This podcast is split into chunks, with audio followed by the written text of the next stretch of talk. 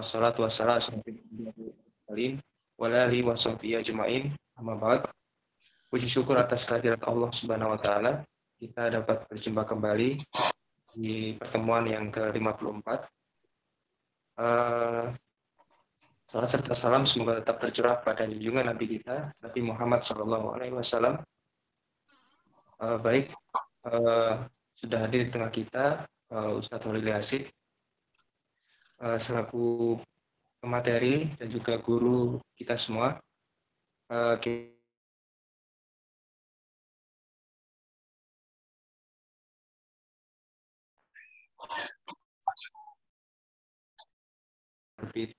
Darul Kutub Islamiyah uh, bagi yang teman-teman yang belum punya PDF-nya bisa diakses melalui grup peserta. Baik, mungkin tanpa berpanjang-panjang untuk mempersingkat waktu kami persilakan uh, pada Ustadz Lili kita mulai langsung dibaca dulu ya. Untuk baca. Oh, gitu. Kita mulai dulu dengan uh, suratul Al-Fatihah. Al-Fatihah. Oh.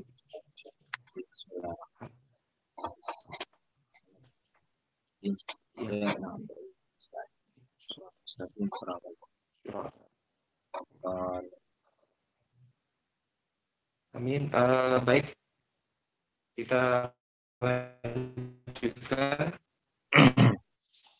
Itu hakum. Kada akan bilaf in yufham. Baik. Terima kasih. Assalamualaikum warahmatullahi wabarakatuh. Alhamdulillahi rabbil alamin. Wassalatu wassalamu ala asrafil anbiya wal mursalin. Sayyidina Muhammadin wa ala alihi wa sahbihi wa man tabi'ahum bi ihsanin ila yaumiddin. Allahumma salli wa sallim wa barik ala sayyidina Muhammad wa ali wa sahbihi wa sallim. Alhamdulillah pada minggu yang lalu kita membahas tentang keutamaan. Itu mengenali keutamaan daripada para imam-imam, khususnya imam madhab yang empat.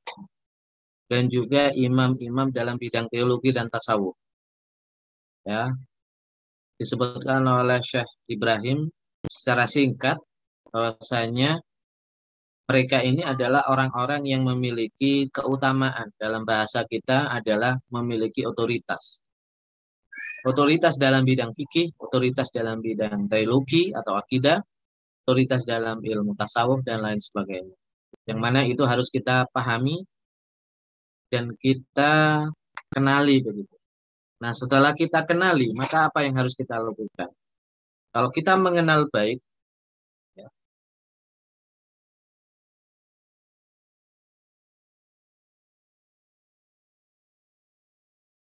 Jadi apabila kita, kalau kita mengenal dengan baik para ulama-ulama salaf kita, kita mengenal Imam Hanafi dengan baik, kita mengenal Imam Malik, Imam Asyafi'i, Imam Ahmad bin Hambal, kita mengenal ulama-ulama ahli dalam bidang teologi, Ash'ari, Maturidi, Imam Al-Ghazali, dan lain-lain para ulama yang tidak bisa disebutkan satu persatu jumlahnya, yang mana dulu sangat banyak imam-imam yang sam sam sampai pada derajat mustahid.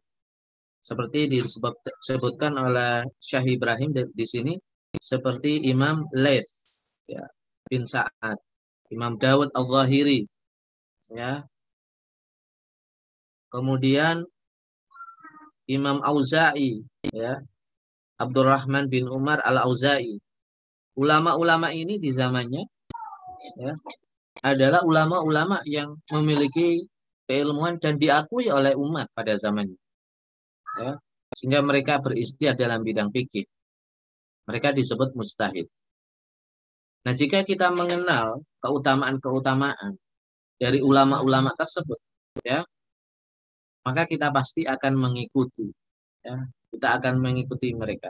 Maka di sini Syekh Ibrahim Al-Lakhani mengatakan fawajibun nah itu di saya tampilkan dalam layar saya fawajibun taklidu habri minhum wajib mengikuti ya keahlian dan kecerdasan mereka ini para ulama-ulama tersebut. Ya.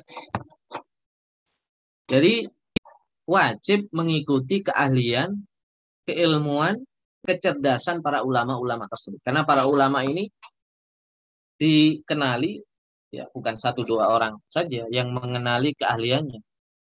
Ya, Imam Al-Ghazali di zamannya dikenali sebagai ulama yang luar biasa, maka disebut Hujjatul Islam. Ya, yang memberi sebutan Hujjatul Islam adalah para ulama-ulama pada masanya. Ya, Imam Ash-Syafi'i digelari dengan Al-Imam. Itu Imam Al-Arba'al yang lainnya, Imam yang empat, itu digelari dengan Al-Imam. Imam Al-Bukhari dalam bidang hadis. Ya. Mereka ini adalah mendapatkan gelaran-gelaran ilmiah, keilmuan oleh ulama. Ya, bukan sekedar orang awam, tapi oleh ulamanya itu diberi gelar. Yang memberi gelar Hujjatul Islam kepada Imam Al-Ghazali bukan orang umum, tapi orang yang ahli. Ya. Artinya keilmuannya Imam Al-Ghazali diakui oleh ulama yang pakar di masanya. Ya, keilmuannya Imam Hanafi diakui oleh ulama-ulama besar pada masanya. Dan setelah uh, zaman mereka, ketika mereka wafat, masih lagi mereka diikuti oleh ulama-ulama seterusnya. Karena ulama-ulama ini mengikut kepada para pembesar-pembesar ini, maka kita orang awam mengikut umat Islam mayoritas mengikut. Imam Al uh, Imam Al Ghazali dalam bidang fikih mengikuti Imam Ash-Syafi'i. Maka siapa yang mencintai Imam Al Ghazali, yang menyukai Imam Al Ghazali, akhirnya dalam bidang fikih mengikuti. Kan? Artinya Imam Al Ghazali saja itu manut kepada Imam Syafi'i dalam bidang fikih. Meskipun Imam Al Ghazali punya kemampuan, ya, tetapi Imam Ghazali merasa bahwasanya kemampuannya dalam bidang usul tidak sama, merasa tidak sama setingkat dengan Imam Ash-Syafi'i. Hal itulah kemudian mengharuskan beliau untuk mengikut Imam Syafi'i dalam bidang uh, fikih. Apalagi kita ya, apalagi kita yang bukan uh, Imam Bukhari, yang bukan Imam Ghazali, Imam Bukhari saja, Imam Muslim itu mengikuti madhab. Ya, Imam Ghazali, uh, Imam Bukhari Imam Imam Muslim, ulama-ulama hadis yang lainnya itu punya imam madhab dalam bidang fikih, dalam bidang uh, uh, teologi. Ibnu Hajar misalnya itu punya imam ya dalam bidang teologi. Makanya madhab itu disebut apa? Disebut school of thought. School artinya uh, aliran begitu Wajib taklidu habri minhum. Wajib mengikuti orang yang kecerdasan di antara mereka. Keilmuan, keahlian, ya, atau keahlian lah. Mungkin yang lebih tepat keahlian di antara mereka. Jadi kita mengikuti Imam Syafi'i bukan karena apa? Karena keahliannya. Kita tahu keahlian Imam Syafi'i karena kita belajar tentang Imam Syafi'i. Tentang madhab Imam Syafi'i. Sehingga kita maka perlulah kita mengi, apa, mempelajari, mencari tahu tentang keagungan dari masing-masing madhab. Supaya kita kenal ya keagungan dari madhab Hanafi, keagungan dari madhab uh, Maliki, keagungan dari madhab Syafi'i, keagungan dari madhab Hambali. Nah, masing-masing madhab fikih yang empat ini masing-masing punya kelebihannya. Di samping juga punya ciri khasnya ya. Secara global misalnya Imam Hanafi itu ahlul ra'yi. Ya, ahlul ra'yi Ya, jadi madhabnya, pendapat-pendapatnya itu oh, karakteristiknya itu rasional, ya, al Kemudian selain Imam Hanafi yaitu Imam Malik, ya, punya murid namanya Imam Syafi'i, punya murid namanya Imam Ahmad bin Hambal. Tiga imam ini adalah madhab ahlul hadis. Ya, ahlul ra'yi, ahlul hadis. Ya. Nah, oleh sebab itu, kelebihannya dari Imam Malik adalah bidang hadis. Kelebihannya daripada Imam Syafi'i adalah bidang bidang hadis. Jadi kita tidak perlulah mencari cari ya, kelemahan daripada imam imam uh, apa uh, para imam empat ini ya. kita perlu yang kita perlukan adalah mencari tahu tentang kelebihan. Sebab apa? Tidak ada para ulama kita di masa itu seluruhnya itu mencari-cari tahu kekurangan masing-masing imam. Ya. Ya kalau karakteristiknya itu dikenali. Tapi mengenali karakteristik, tentu ketika mengenali karakteristik sifat-sifat karakter daripada imam itu atau madhab itu, tentu ada karakteristik yang kalau eh, sifat-sifat atau ciri-ciri yang unggul atau ciri-ciri yang itu pun subjektif banget. Oleh sebab itu uh, maka uh, di Rosatul Madahib itu penting khususnya dalam konteks mengenali keunggulan ya. Maka banyak misalnya Imam Syafi'i yang menulis keagungan madhab Imam Syafi'i, keagungan madhab Hambali, keagungan madhab uh, ini masing-masing punya kelebihan dan karakter ya, ya seperti itu. Maka di sini wajib mengikuti keilmuannya, kecerdasannya. Ya. Kada hakal kaumu bilafin yumham, yufham. Begitu yang diceritakan oleh para ulama. Al kaum ini adalah para ulama. Haka maksudnya dikisahkan itu maksudnya diceritakan. Ya, diceritakan hal seperti itu telah diceritakan oleh al kaum. Siapa al kaum? Para ulama. Dari dulu zaman sampai zaman zaman sekarang. Al-qaum bilafzin yufham dengan ungkapan-ungkapan atau kalimat-kalimat yang bisa dipahami. Ya, sehingga kita mengenali imam madhab itu karena apa? Para ulama-ulama kita bercerita. Ya. Kalau misalnya kita mengetahui keagungan dari sisi spiritualitas, dari sisi akhlak batin daripada imam yang empat, nah itu silakan baca kitab Ihya Ulumuddin ya jilid pertama. Dalam babul ilmi, bagian akhir dari babul kitabul ilmi. Bagian akhir dari kitabul ilmi menceritakan tentang betapa hebatnya Imam Syafi'i, ya Imam Malik dan lain-lain dalam menjaga hati, dalam menjaga ubudiyah, keikhlasan dan lain sebagainya yang menunjukkan apa kata Imam Al-Ghazali mereka adalah bukan semata-mata ahli dalam bidang hukum ahkam. Tapi mereka ini adalah orang yang mengamalkan spiritualitas. Orang yang mengamalkan akhlak batin, dimensi batin dalam Islam.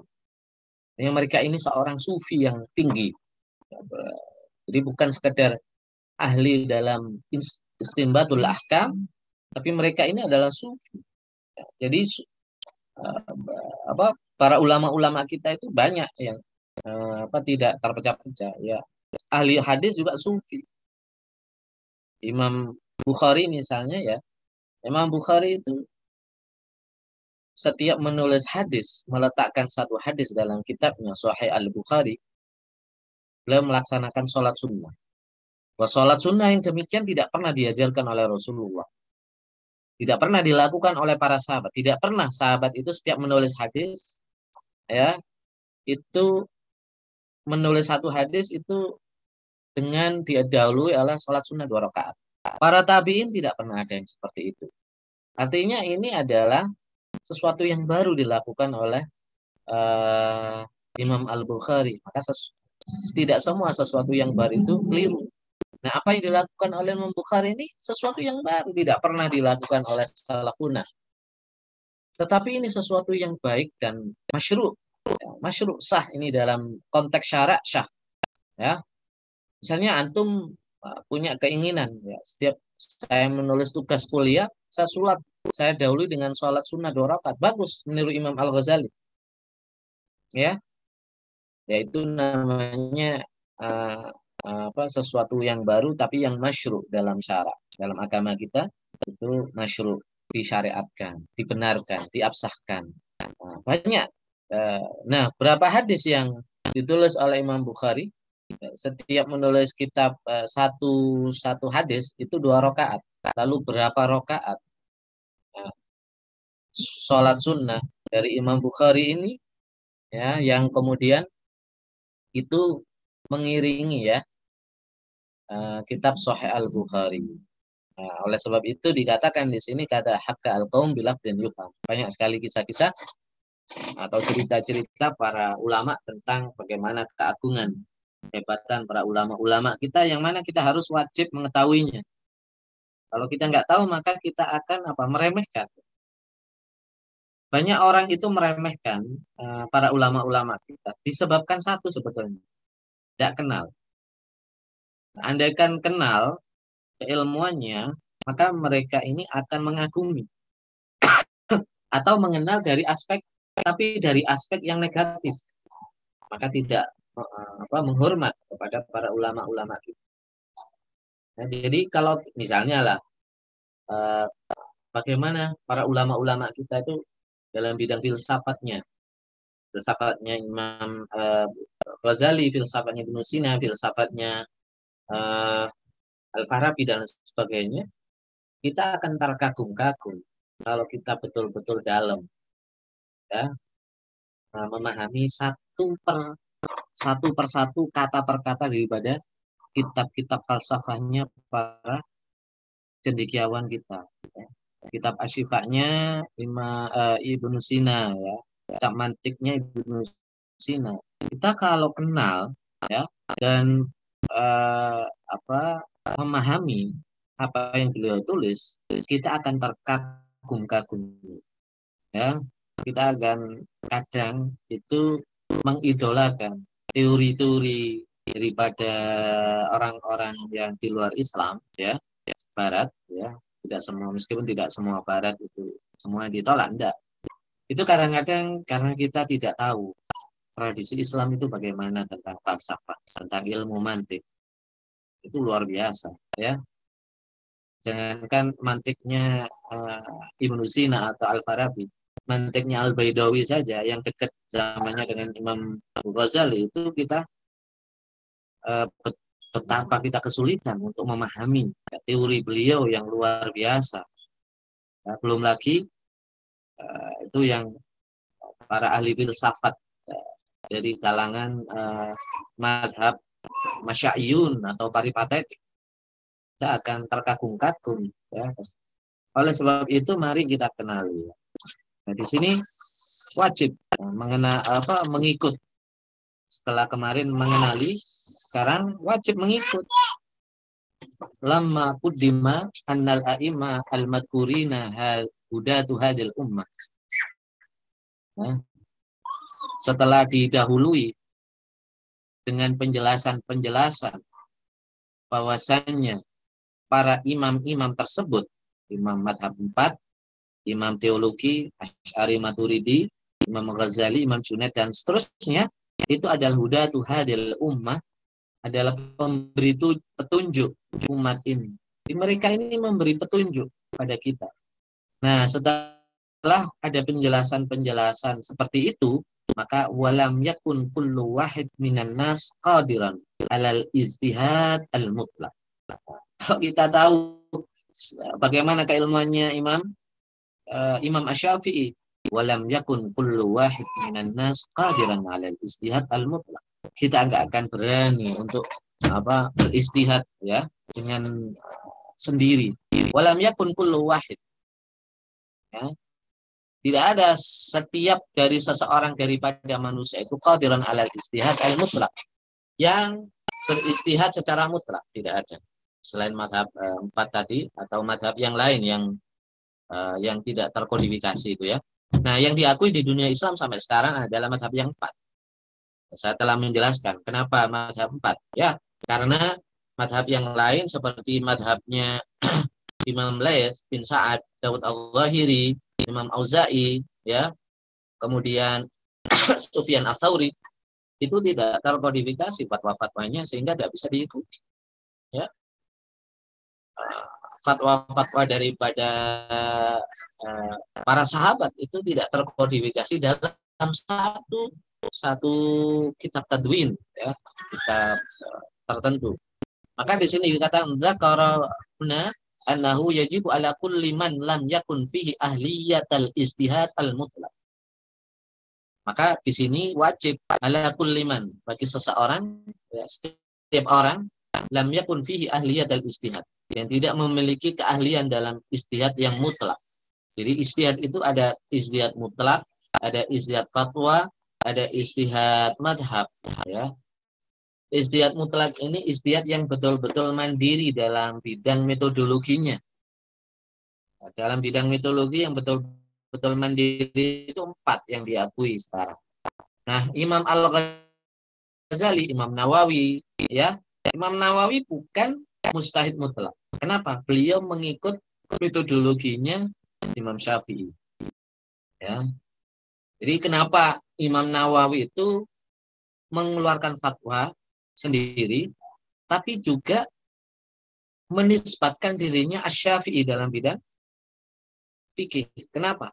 Karena metodologi dalam berfatwa itu tidak keluar dari kerangka berpikir Imam Syafi'i. Tidak keluar dari madhab, uh, dari keluar dari metodologi, metodologi yang dibangun oleh pondasinya oleh Imam Syafi'i. Maka membangun pondasi, membuat kerangka, ini adalah satu kemampuan yang luar biasa yang dilakukan oleh ulama-ulama mustahid yang empat itu. Sekarang kita betapa sulitnya kita uh, menemukan yang punya keahlian yang seperti ini. Oleh sebab itu ketika kita belajar madhab uh, syafi'i, jangan buru-buru apa langsung membaca ahli salahnya. Kesulitan. Betapa sulitnya kita membaca ahli salah itu. Kitab induknya Imam uh, Imam Syafi'i dalam bidang usul fikih. Kita perlu jembatan untuk sampai ke sana. Ya. Kita perlu dari yang paling dasar. Ya. Seperti ada kawaid asasia, ya. Kawaid asasia. Kemudian bertahap itu. Kalau kita belajar usul fikih di situ, ya. Itu bertahap. Jangan langsung meloncat. Ya. Jadi harus tertib. Belajar madhab harus tertib. Ya, belajar filsafat juga harus tertib. Belajar uh, apa, ilmu kalam juga harus tertib juga. Kalau kita tidak tertib, maka akan menemui kesulitan. Belajar madhabnya Imam Ash'ari langsung membaca Al-Ibana. Nggak akan uh, puas nantinya. Kita harus belajar dari akidatul awam. Para ulama sudah membuat ini kitab-kitab e, ringkasan. Ya. Di kitab-kitab salaf itu memang tebal-tebal ya. Kitab para ulama-ulama zaman dulu tebal. tebal-tebal dan kalimatnya padat. Jadi setiap lafat itu itu bisa disyarah sampai beberapa kalimat. Ya. Satu satu satu lafat saja itu bisa di, jadi beberapa paragraf. Itu para ulama kita. Karena itu tidak heran. Kenapa para ulama itu kalau menulis kitabnya tebel-tebel. Ya kan? Kalau kita beli kitab, mau kitab tafsir, mau kitab fikih, ya, mau kitab hadis, syarah hadis, itu tidak ada yang tipis. Kitab-kitab ulama sekarang ya baru tipis itu. Dan para ulama itu luar biasa tebel-tebel. Jadi mereka ini kalau menulis bukan main-main. Satu lafaz itu harus dipertanggungjawabkan. Bahkan satu huruf itu harus dipertanggungjawabkan. Kenapa huruf satu huruf itu ada di situ? Sehingga para ulama setelahnya itu bertugas apa? Bertugas untuk meringkas. Jadi kadang-kadang ringkasan pun itu masih tebal. Ada ringkasan, itu mukhtasar, itu masih setebal Al-Quran. Nah, kalau kita menulis buku setebal Al-Quran saja itu sudah luar biasa zaman sekarang, ya kan? Itu para ulama mukhtasar. Ya. Kemudian setelah itu harus di, disyarah lagi. Kenapa harus disyarah? Ya gak akan paham kita kalau kalau nggak disyarah. Maka para ulama itu jasanya luar biasa, ulama-ulama pensyarah. Itu jangan dikira ulama pensyarah itu oh, para ulama-ulama yang jumud di zamannya tidak kreatif. Tidak seperti itu. Justru itu kreativitas pada masa itu yang dibutuhkan umat setelahnya. Andaikan eh, apa tradisi syuruh menulis kitab-kitab syarah itu pada masa itu tidak ada, maka dipastikan kita kesulitan untuk memahami, untuk menyambungkan pikiran kita dengan pikiran para ulama-ulama. Ya, baca kita mau belajar madhab asyari ya alibana jangan itu kita akan mendapatkan pemahaman atau uh, muridnya uh, setelah Imam Ash'ari ya, ya kitabnya Al-Baqilani. Jangan langsung loncat. Ya. Syafi'i begitu. Begitu pula belajar fikih, ya, belajar fikih ada Fathul Qorib. Itu pun Fathul Qorib itu masih dianggap uh, masih agak agak rumit juga, maka harus harus harus ada yang level di bawahnya. Sampai kemudian ada al-mabadi al-fiqhiyah itu bagi kita yang madrasah tidak iya. Al-fiqhiyah, ya. Jadi uh, termasuk kitab ini ya, kitab Tuhfatul Murid, Murid ala Jauharatut Tauhid. Ini termasuk kitab syarah yang mensyarah daripada Nadhaman yang ditulis oleh Syekh Ibrahim. Ya. Baik, saya lanjutkan. Walau kana mustahid, walau kana mustahidu madhabi fatwa, mustahidu mustahidu madhabin au fatwa, taklidu imamun minal a'immah al-arba'a fil ahkam al-far'iyyah. Ya, meskipun itu adalah seorang mustahid dalam bidang fatwa ya kayak Imam Nawawi ya. Itu ikut Imam Syafi'i. Itu taklidu imam minal a'immah al-arba. itu mereka mengikuti salah satu daripada imam yang empat. Fil ahkam al-far'iyah dalam hukum-hukum far'i, hukum-hukum cabang dalam ada al-ahkam al-far'iyah ada al-ahkam al-usuliyah. Wa ma jazima bihi an-nazim huwa madhabul usuliyin wa jumhuril fuqaha wal muhaddisin. Ini penting kita catat. Apa yang harus dicatat? Pendapat penulis kitab ini, penulis syarah tentang menghukumi wajib mengikuti madhab ya dalam fikih itu itu merupakan kan adalah pendapatnya usuliyin, ulama-ulama ahli usul. Wa jumhuril fuqaha dan ulama-ulama fikih wal muhaddisin dan ulama-ulama ahli hadis. Nah, jadi kalau kita cek hampir semua ahli ulama ahli hadis bermadhab. Silakan dibaca sirahnya hampir semuanya itu ber, bermadhab.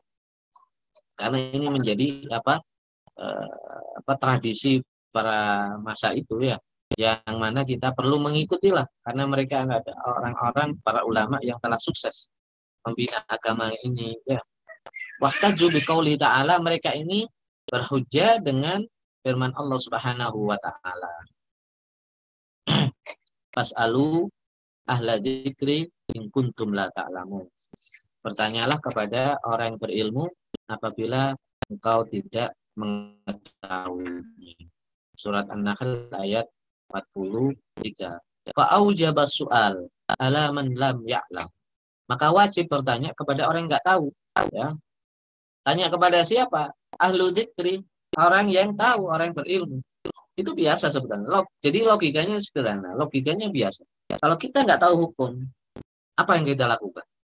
Mau buka Al-Quran, mau buka hadis, tidak mungkin. Kita tidak bisa apa? Tidak bisa apa? Memahami atau istinbat eh, ayat-ayat dalam Al-Quran. Tidak bisa tidak bisa mengambil uh, hukum dari hadis-hadis Nabi. Tidak. Maka apa yang dilakukan? Yang dilakukan adalah kita tanya. Tanya kepada siapa? Orang yang mengerti. Ya, orang yang mengerti adalah guru, guru kita. Nah, para imam-imam ini adalah guru-guru kita semua. Ya, guru-guru kita. Imam Al-Ghazali guru kita. Mudah-mudahan kita semua diakui oleh para imam-imam tersebut sebagai murid. Ya, kita diakui sebagai muridnya Imam Syafi'i, kita diakui sebagai muridnya Imam Bukhari, ya, kita diakui sebagai muridnya Imam Ghazali. Oleh sebab itu kita beradab kepada mereka supaya kita diakui sebagai murid ya. Nah itu guru guru besar guru yang paling tinggi ya. Wa yatarattab alaihi al-akhdhu biqaulil maka hal itu menisayakan untuk mengambil pendapatnya al-alim orang yang memiliki ilmu. Wadhalika taqlidun lahu. Itulah yang disebut mengikut. Wakala ba'dum sebagian mengatakan la yajibu taqlidu wahid bi'ainih bagian orang para ulama berpendapat tidak wajib mengikuti salah satu di antara para ulama tersebut ya. Balau ayyakhuda ma yaqa' lahu bihadal madhab taratan bighairihi ukhra. Ini ini pendapat ya. Tetapi men, mengambil ayat khudafi ma lahu mengambil apa yang uh, terjadi baginya di hadal madhab menurut satu madhab tarotan kadang-kadang bigoiri atau bigoiri ukhra atau mengambil madhab yang lain. Atau satu soal kadang-kadang ngambil satu madhab A. Satu soal kadang-kadang ngambil satu soal B gitu ya. Faya juzu sholatul zuhri alamat habis syafi'i. Mereka ini yang punya pendapat demikian ya. Itu membolehkan sholat zuhur dengan madhab syafi'i. Sholatul asri alamat habi malik. Sholat asar dengan madhab malik. Sholat lain dengan madhab yang lain. Itu ada satu pendapat yang berbeda. Ya, buah dan seterusnya. Wa kharaja biqaulina malam yakun fi ahliyat al-istihad al-mutlak. Nah, kalimat di atas itu mengecualikan ucapan lafat malam yakun fi ahliyat al-istihad. Atau mangkana fi ahliyatahu. Kalau mereka ada orang yang punya kemampuan dalam beristihad, seperti Imam Syafi'i, punya kemampuan seperti Imam Hanafi, fa'inau yahrum alaihi taklid fi ma lahu indal aksar. Ini menurut pendapat mayoritas tidak boleh taklid, tidak boleh ngikut salah satu madhab. Karena seperti Imam Lais, itu sudah derajatnya makamnya mustahil mutlak. Maka sebagian ulama mengatakan memang tidak boleh, dia harus beristihad sendiri. Waktaruhu al-amadi wa ibnu hajib wa subaki. Ya, pendapat ini diungkapkan oleh Imam al-amidi, ibnu hajib, dan Imam As-Subaki. Li tamat kunihi minat istihad alladhi wa aslu taklid. Karena dia punya uh, karena dia memungkinkan untuk melakukan istihad. Nah, nah di sini harus digarisbawahi. Di sini taklid, di sini taklid dalam bidang hukum far'iyah. Ya, bukan hukum asli ya. Bukan pada masalah akaid.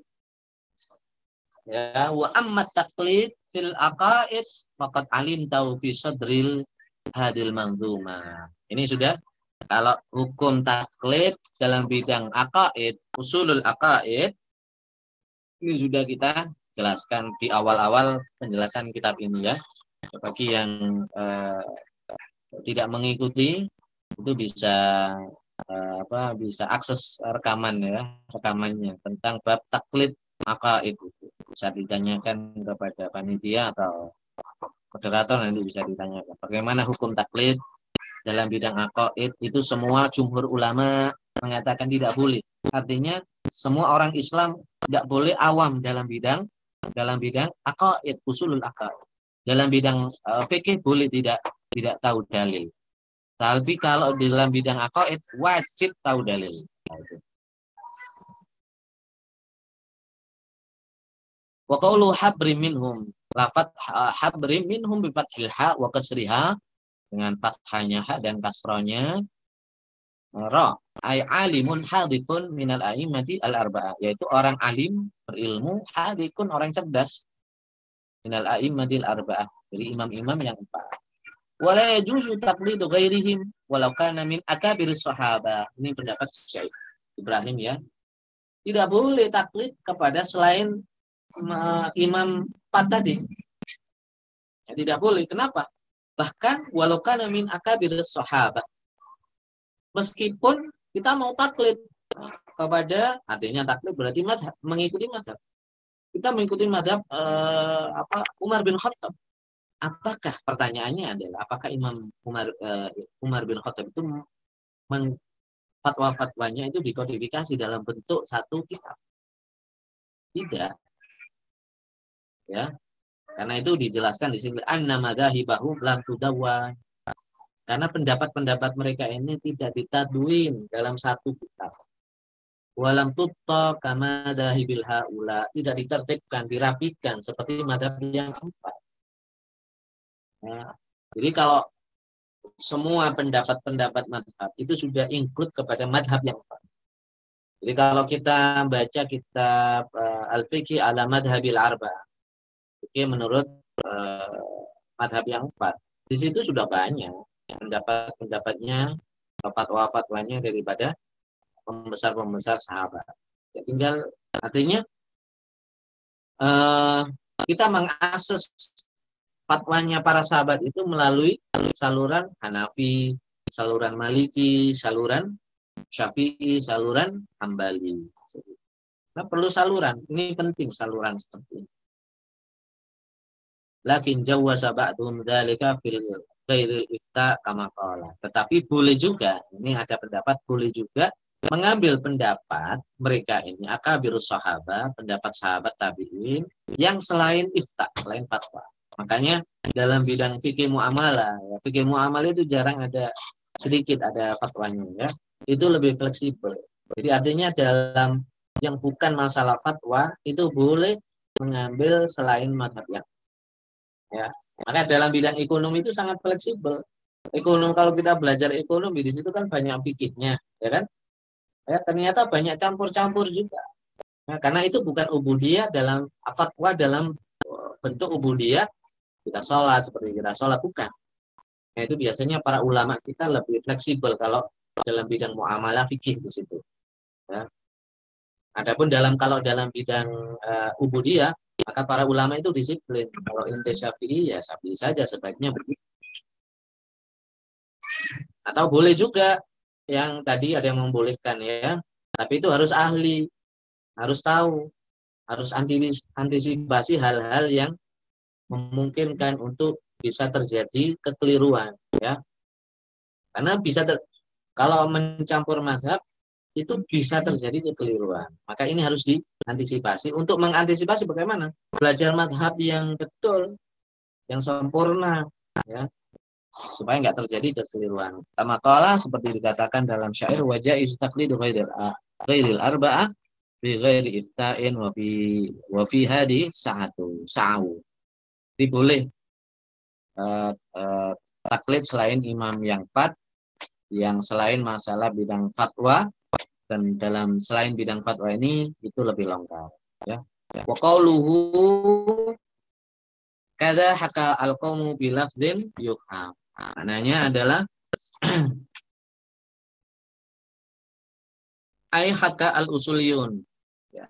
Para ulama-ulama ahli usul mengatakan wa jumhurul fuqaha mayoritas para fuqaha telah menceritakan wal muhaddisin dan juga para ahli hadis bilaf dan yuf yafhamuhu dengan kalimat-kalimat uh, lafaz-lafaz yang dipahami as-sami orang yang mendengar diwuduhi hukman misla hadzal hukmi alladhi wujubu taqlidi imami minal ar a'immatil arba'a. Karena uh, jelasnya hukum-hukum daripada hukum-hukum imam yang empat ini ya. Sangat jelas hukum-hukum daripada imam yang empat ini saja. Fa in kulta ya, kita lewati fal musyabbah wal musyabbah bil i'tibar. Kita lewati itu ya. Kita lewati satu kalimat karena Ya. Fa in kulta kalau Anda mengatakan, nah ini ada pendapat, ada pertanyaan misalnya. Hal yajuzul al-intiqal min madhabin ila madhab. Apakah boleh pindah dari satu madhab ke madhab yang lain? Ya, dari madhab Syafi'i ke madhab Hambali. Boleh nggak itu? Di sini ada empat, eh, ada tiga pendapat. Kultu fihi akwalun salah satu.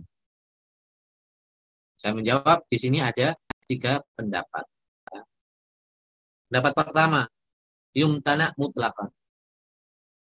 Ya, pindah dari satu mata ke madhab yang lain.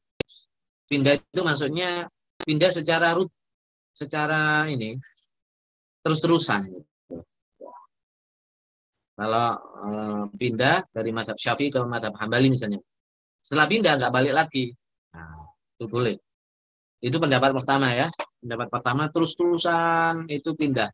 Yang tani mutlak. Itu uh, apa? Dilarang secara mutlak. Pendapat kedua ya juzu mutlak. Boleh secara mutlak. Pendapat ketiga illam yajma' bainal madhabaini ala sifatin dukhaliful ijma' kaman tazawwaja bila sidakin wala waliyin wala syuhudin fa inna hadhihi surah la yaqulu biha ahadun. Ya. Kalau misalnya mengumpulkan dua madhab yang mana mengumpulkan dua madhab ini tidak sampai terjadi pertentangan antara dua madhab atau tiga madhab. Misalnya mencampurkan tiga madhab dalam satu kodiyah. Nah ini harus tahu ini. Saya mencampurkan madhab. Ahlan wasalan silakan. Tapi harus tahu konsekuensinya. Jangan sampai terjadi satu kodiyah itu tiga atau dua madhab itu saling bertentangan. Jangan sampai terjadi. Ada pendapat yang mengatakan kalau tidak sampai terjadi pertentangan dalam satu kodiah. Satu kodiah itu apa? Sholat itu satu kodiah. Ya, nikah itu satu kodiah. Puasa, zakat itu satu kodiah. Kan? Nah, kalau misalnya dalam satu puasa misalnya kita mencampurkan dua madhab atau tiga madhab, maka yang harus dikorek, eh, diteliti adalah apakah terjadi pertentangan. Kalau tidak terjadi pertentangan, ada yang mengatakan ini boleh. Kalau pendapat pertama mutlak tidak boleh meskipun tidak ada pertentangan. Nah, kalau ada pertentangan maka mutlak haram. Ini pendapat ketiga. Kalau dalam mencampurkan ini, menggabungkan ini adalah tidak bertentangan maka boleh. Ya. Kalau bertentangan maka tidak tidak boleh. Ala sifatin tukhaliful ijma yang bisa menyalahi ijma ulama. Contoh ini. Ini saya kasih contoh ya. Di situ ada contohnya supaya lebih paham. Taman tazawwaja bila sidakin. Wala waliyin wala syuhudin. Jadi misalnya nikah. Saya ikut eh, apa eh, tiga madhab. Saya mengambil tiga madhab. Madhab Syafi'i, madhab Hanafi, madhab Daud al-Zahiri. Ini nggak bisa kalau seperti ini. Ini contoh menggabungkan yang saling bertentangan. Ya, ini hati-hati. Sebab apa? Nikah bila sidakin. Nikah tanpa sidak mahar. Itu dibolehkan dalam madhab syafi'i. Ya, boleh. Ya. Tapi nggak dapat keutamaan. Saya nikah nggak nggak pakai mahar. Ya. Misalnya bila mahar apa bila mahrin itu sebagian syafi'iyah membolehkan ada yang membolehkan seperti itu. Ya. Kemudian bila waliin nikah tanpa wali ini dibolehkan dalam madhab Hanafi. Dibolehkan dalam madhab Hanafi. Bila syuhudin nikah tanpa saksi itu diperbolehkan dalam madhab Daud al-Zahiri. Nah kalau ini digabungkan nggak terjadi syariat pernikahan. Akhirnya nikah itu apa? Tanpa mahar, eh, apa?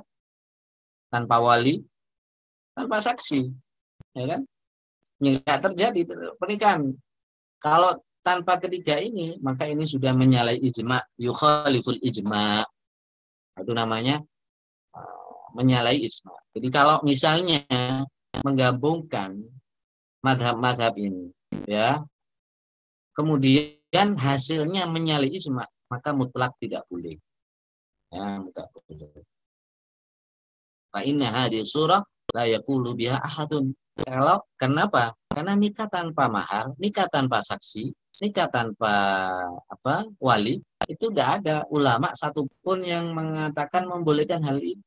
Itu namanya bukan nikah, tidak sah nikah.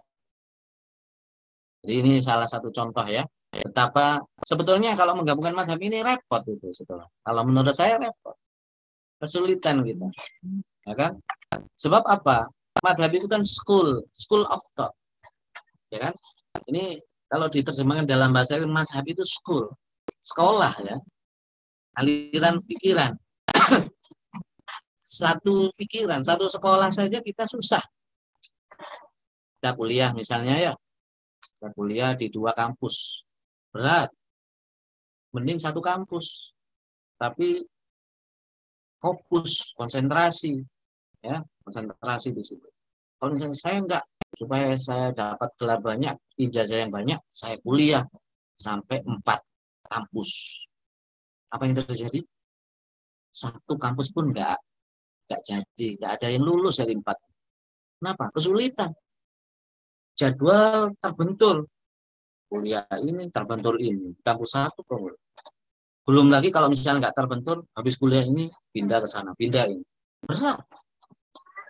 Begitu pula madhab. Saya mau gabungkan sholat itu dengan dua madhab atau tiga madhab. Ahlan wasalan, ada yang membolehkan itu, tapi ingat, Anda harus belajar dua-duanya. Anda harus belajar dua school. Harus masuk dua sekolah. Sekolah Syafi'i dan sekolah Hambali misalnya. Ya. Kita yang awam ya sudah awam pengen sekolah dua nggak dapat apa-apa ya.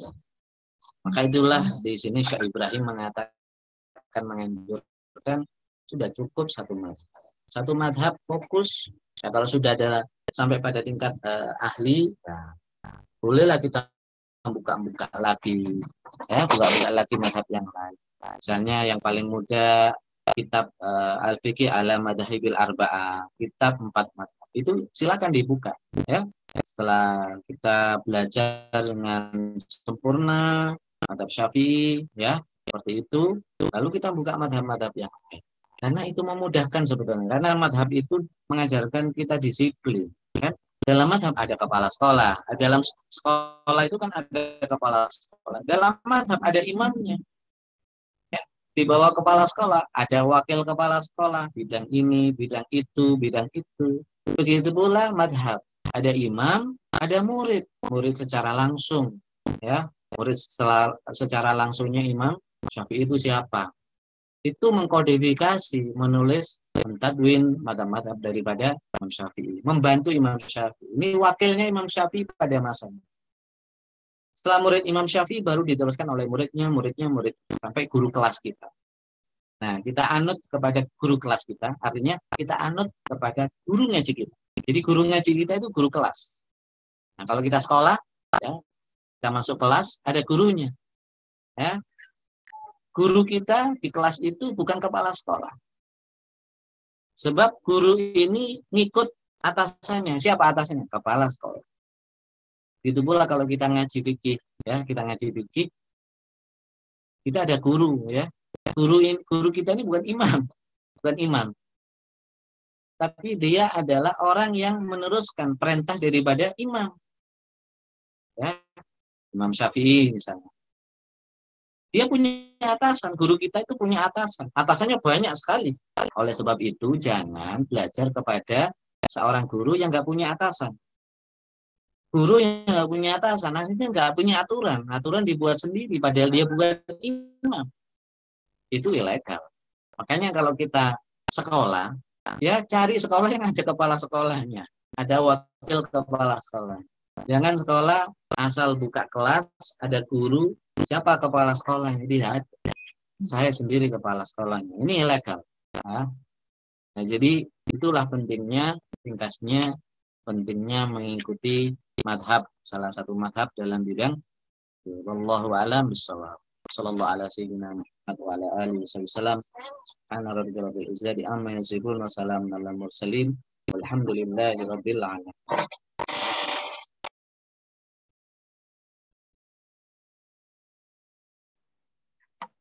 Alhamdulillah. Terima kasih Ustaz Torili atas caranya. Baik, uh, kita masuk ke sesi tanya jawab. Dipersilakan bagi Bapak Ibu sekalian, jika ada yang ingin bertanya, dipersilakan.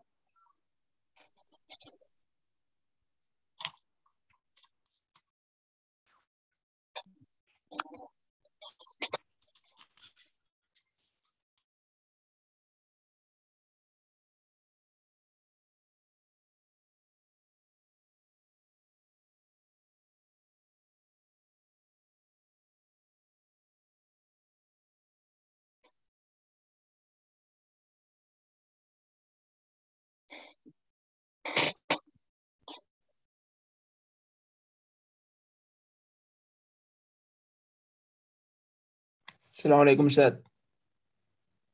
Oh, Waalaikumsalam warahmatullah. Izin bertanya yang berkaitan dengan uh, iya. apa namanya mencampurkan madhab itu Ustaz.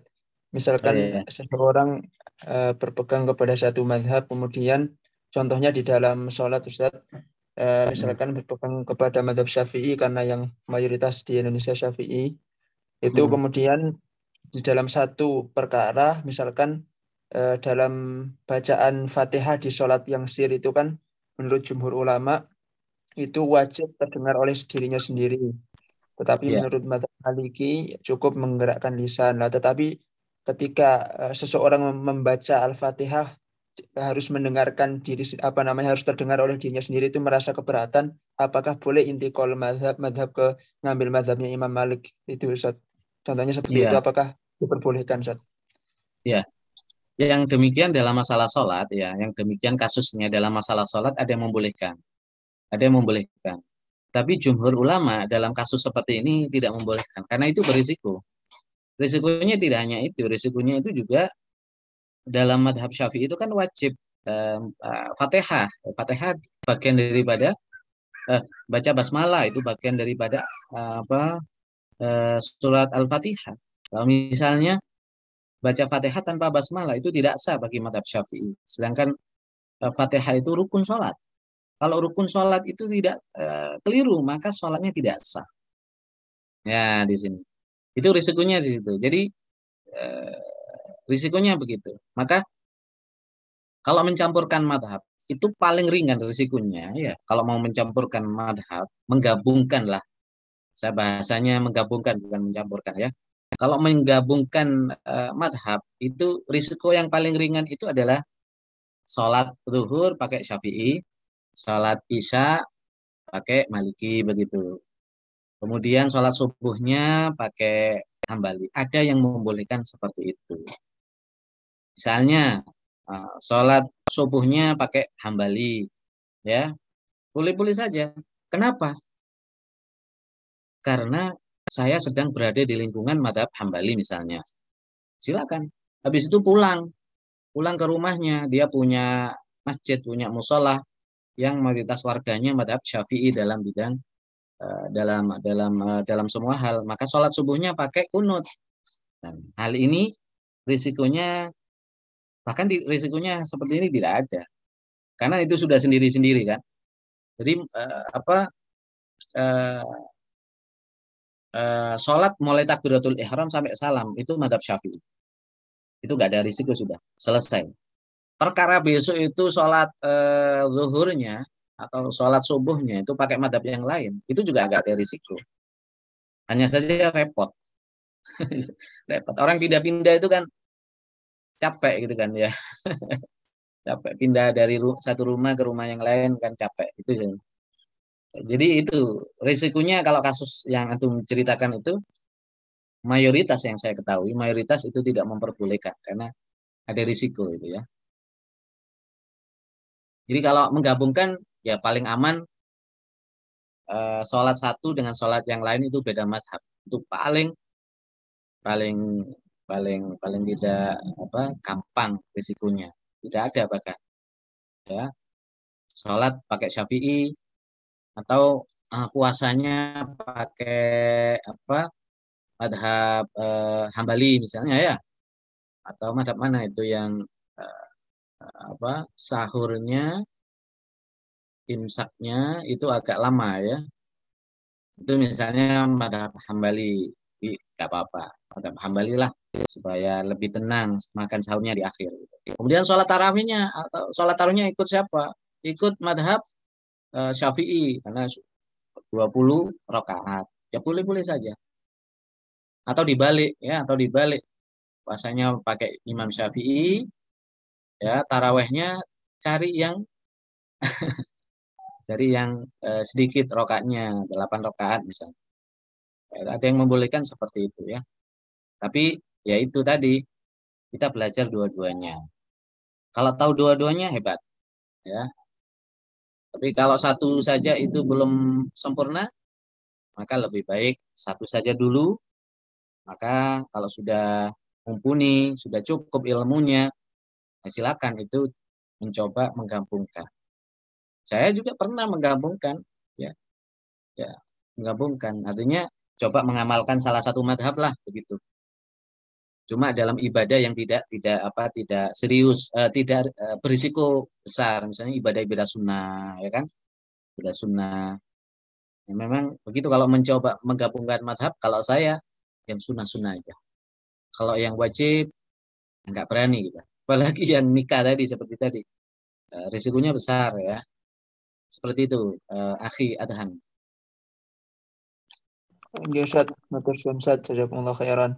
Iya,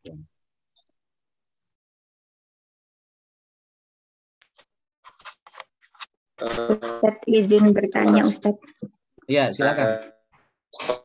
Kalau Iya. ada orang yang menggabungkan yang gampang-gampang dari semua masak itu boleh apa enggak Ustaz? Jadi Eh. nyari yang gampangnya, gampangnya gitu Ustaz. Heeh, heeh. Menggabungkan tapi dengan tujuan untuk cari yang mudah. Itu boleh asalkan sesuai kaidah tadi. Jadi yang yang penting itu sesuai kaidah tadi, rambu-rambu lah istilahnya begitu.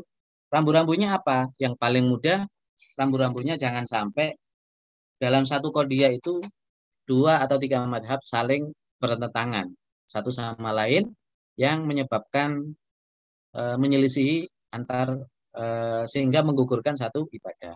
Itu boleh. Artinya secara hukum, secara hukum boleh cari yang mudah-mudah. Tarawih yang 8 rakaat madhab apa ya? Ya. Ya, kalau di Indonesia ada lagi itu. Ya, ada lagi. Sekarang mulai ada. Kalau dulu yang super cepat itu 20 rakaat. Sekarang 8 rakaat pun ada yang cepat ini. Kalau dulu kan 8 rakaat itu kan pelan-pelan. Sekarang 8 rakaat pun ada yang cepat ini. Jadi eh, cari yang mudah seperti itu boleh. Tapi apa tidak berisiko? Berisiko. Apa risikonya? Risikonya adalah barang siapa yang eh, membuat main-main syariat, maka dia eh, akan men- mendapatkan dosa. Jangan sampai itu jatuh kepada memain-mainkan syarat, ya, memainkan syarat. Atau itu kan karena hawa nafsu, berarti dia dosa. Jadi cari gampang itu kan nafsu. Pengen mudah itu nafsu sebetulnya. Nafsu kita. Jadi kita beribadah itu kan pengen yang mudah, tapi pahalanya besar gitu. Ibadah sedikit tapi pahalanya gede. Ya, sebetulnya ada itu banyak kalau kita tahu ilmunya. Ya, tidur pun bisa dapat pahala gede. Makan pun bisa dapat pahala gede. Makanya kita tahu harus tahu ilmunya. Jadi tadi itu eh, pertanyaannya itu secara kalau secara selama secara kaidah sesuai maka diperbolehkan. Cuma dia jatuh pada bisa jatuh pada mempermainkan hukum dan ini tidak boleh. Tidak bolehnya apa? Dia itu apakah kalau tidak boleh ibadahnya tidak sah? Tetap sah karena ibadah itu ada rukun dan syaratnya, ya. Nah, kalau tidak boleh dalam hal itu, itu tidak boleh dalam arti bahwasanya ya pahalanya tidak dia dapatkan. Dia tidak akan mendapatkan pahala. Apalagi atas dasar nafsu, pasti nggak ikhlas. Ya, untuk kunci untuk mendapatkan uh, pahala itu satu ikhlas. Ya, ikhlas. Nah, kalau dia ingin mudah, nah itu kan nafsu juga. Ya. Uh, jadi misalnya itu ada yang salah juga ini. Uh, apa? Poligami misalnya. Kenapa nambah istri? Lah Rasulullah juga nambah istri. Ya kan? Rasulullah nambah istri. Tapi dia cari enak, nggak seperti persis seperti Rasulullah. Rasulullah itu menikahi orang yang wanita 50 tahun, 60 tahun itu dinikahi sama Rasulullah. Tapi kalau kita cari istri baru yang 20 tahun, yang 25 tahun. Ya. Ini kan karena keinginan saja. Nah, ini berisiko sebetulnya. Itu perkara hati itu berat kalau seperti itu. Soal nikahnya dia menambah boleh sah nikahnya sah. Apakah itu ikut Rasulullah? Tidak ikut Rasulullah. Nah, banyak yang seperti itu yang terjadi. Memang orang ibadah cari enak-enak ya.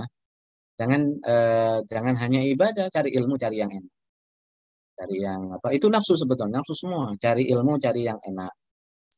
Cari guru, cari penceramah yang enak-enak, yang bisa menghibur atau sebagainya. Tapi yang serius-serius, yang susah-susah, nggak suka. Nah itu nafsu. Oleh sebab itu dalam ibadah harus digabungkan antara hukum syarak, hukum dengan tasawuf. Gitu. Demikian.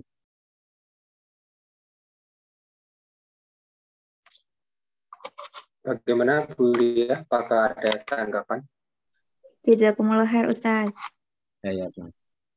Ada pertanyaan tertulis kayaknya ya.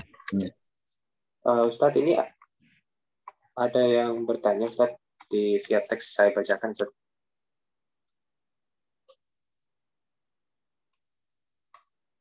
Uh, dari Cut Nyakdin. Nah, izin bertanya, teman saya seorang salaf. Beliau kalau nasihatin saya selalu bilang ikuti Rasulullah saja.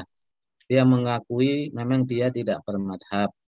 Lalu jika tidak bermadhab, bagaimana ia bisa menyimpulkan tiap-tiap ibadah yang Ustadz bilang bahwa madhab yang memiliki panduan secara utuh dari tadi Ustadz. Apakah mereka langsung melihat hadis-hadis tentang ibadah atau bagaimana ya Ustadz? Ya, ini ya juga eh, kesalahpahaman. Jadi bahkan ada yang mengatakan eh, madhabnya madhab eh, Rasulullah tidak ada Madhab Rasulullah itu tidak ada. Rasulullah tidak Rasulullah tidak membawa madhab. Rasulullah membawa Islam. Jadi Islam. Jadi salah. Madhabnya sahabat. Sahabat tidak membawa madhab. Yang bawa madhab itu Imam Hanafi. Baru itu pertama kali. Ya. Kalau sahabat bawa Islam sama. Gitu. Jadi ikuti saja Rasulullah. Ikuti Rasulullah semuanya ikut Rasulullah. Ya. Kita uh, ikut Al-Quran dan Sunnah wajib hukumnya. Wajib hukum. Kalau kita baca kitab Ihya atau Risalah Kusyairiyah Imam Kusyairi itu kitab induk tasawuf. Kita berkali-kali diingatkan oleh beliau uh, apa ikut uh, Al-Quran was Sunnah. Al-Quran was Sunnah. Al-Quran sudah penjelasan Al-Quran was Sunnah. Ya, Al-Quran was Sunnah. Nah, kita mengikuti Al-Quran, mengikuti Rasulullah itu melalui jalur Melalui jalur apa? Melalui jalur para imam-imam kita. Ya, itulah madhab. Jadi madhab itu mengikuti Rasulullah dengan metodologi para imam. Metodologinya para imam-imam tadi. Sebab apa? Sebab kita tidak punya keahlian untuk langsung mengikuti Rasulullah. Maka kalau langsung mengikuti melihat, menghukumi hadis atau Al-Quran, saya yakin tidak ada zaman sekarang. Tidak ada orang seperti itu. Oh saya langsung ngambil dari Al-Quran dan hadis, pasti keliru. Nah, kalau nggak keliru, pasti itu sudah ada penjelasannya. Umpama, saya ngambil langsung dari Al-Quran ini. Penjelasannya benar. Tapi ingat, Fulan, ini sudah ada kitabnya. Saya pernah menjumpai itu. Tidak, saya ngambil dari uh, saya langsung ngambil dari ayat Al-Qur'an. Ayatnya ini ini ini ini kalau Allah taala ini ini.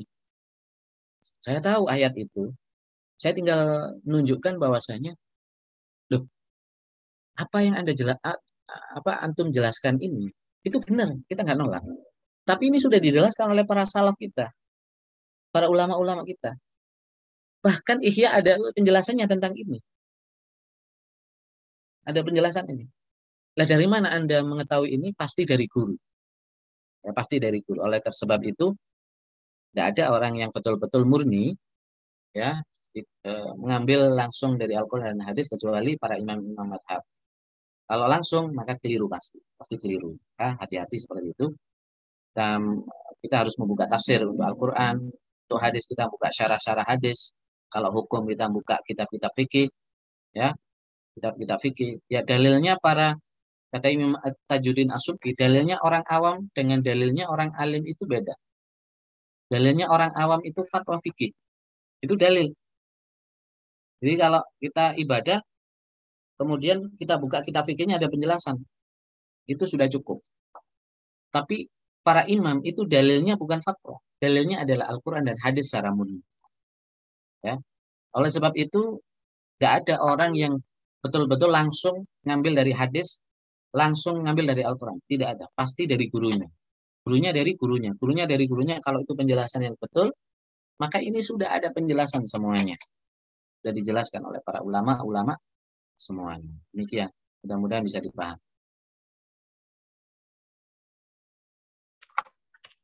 Baik, terima kasih Ustaz. Uh, sepertinya belum ada pertanyaan masuk lagi. Apakah dicukupkan Ustaz? Ya, puji Tuhan Baik. Uh, Jazakumullah khairan uh, Ustaz Yasif atas syarahannya dan Masya Allah ilmu yang pada malam hari ini kita peroleh. Insya Allah semoga bermanfaat bagi kita semua. Kita tutup acara ini. Uh, mungkin boleh nyuwun doanya Ustaz. Uh, Bismillahirrahmanirrahim. اللهم إنا نسألك سلامة في الدين وعافية في الجسد وزيادة في العلم وبركة في الرزق وتوبة قبل الموت ورحمة عند الموت ومغفرة بعد الموت. اللهم اهدنا فيمن هديت وعافنا فيمن عافيت وتولنا فيمن توليت وبارك لنا فيما أعطيت وقنا برحمتك شر ما قضيت وصلى الله على سيدنا محمد وعلى آله وصحبه وسلم. سبحان ربك رب العزة عما يصفون. Wassalamualaikum. Assalamualaikum warahmatullahi wabarakatuh. Waalaikumsalam warahmatullahi wabarakatuh. Saya izin uh, undur diri. Saya ucapkan sekali lagi jazakumullah khairan Ustaz Holili dan juga untuk para Bapak Ibu sekalian yang telah hadir berpartisipasi pada malam hari ini. Insya Allah kita akan jumpa lagi pada pekan mendatang. Ihdinas siratal mustaqim. Wassalamualaikum warahmatullahi wabarakatuh. Waalaikumsalam.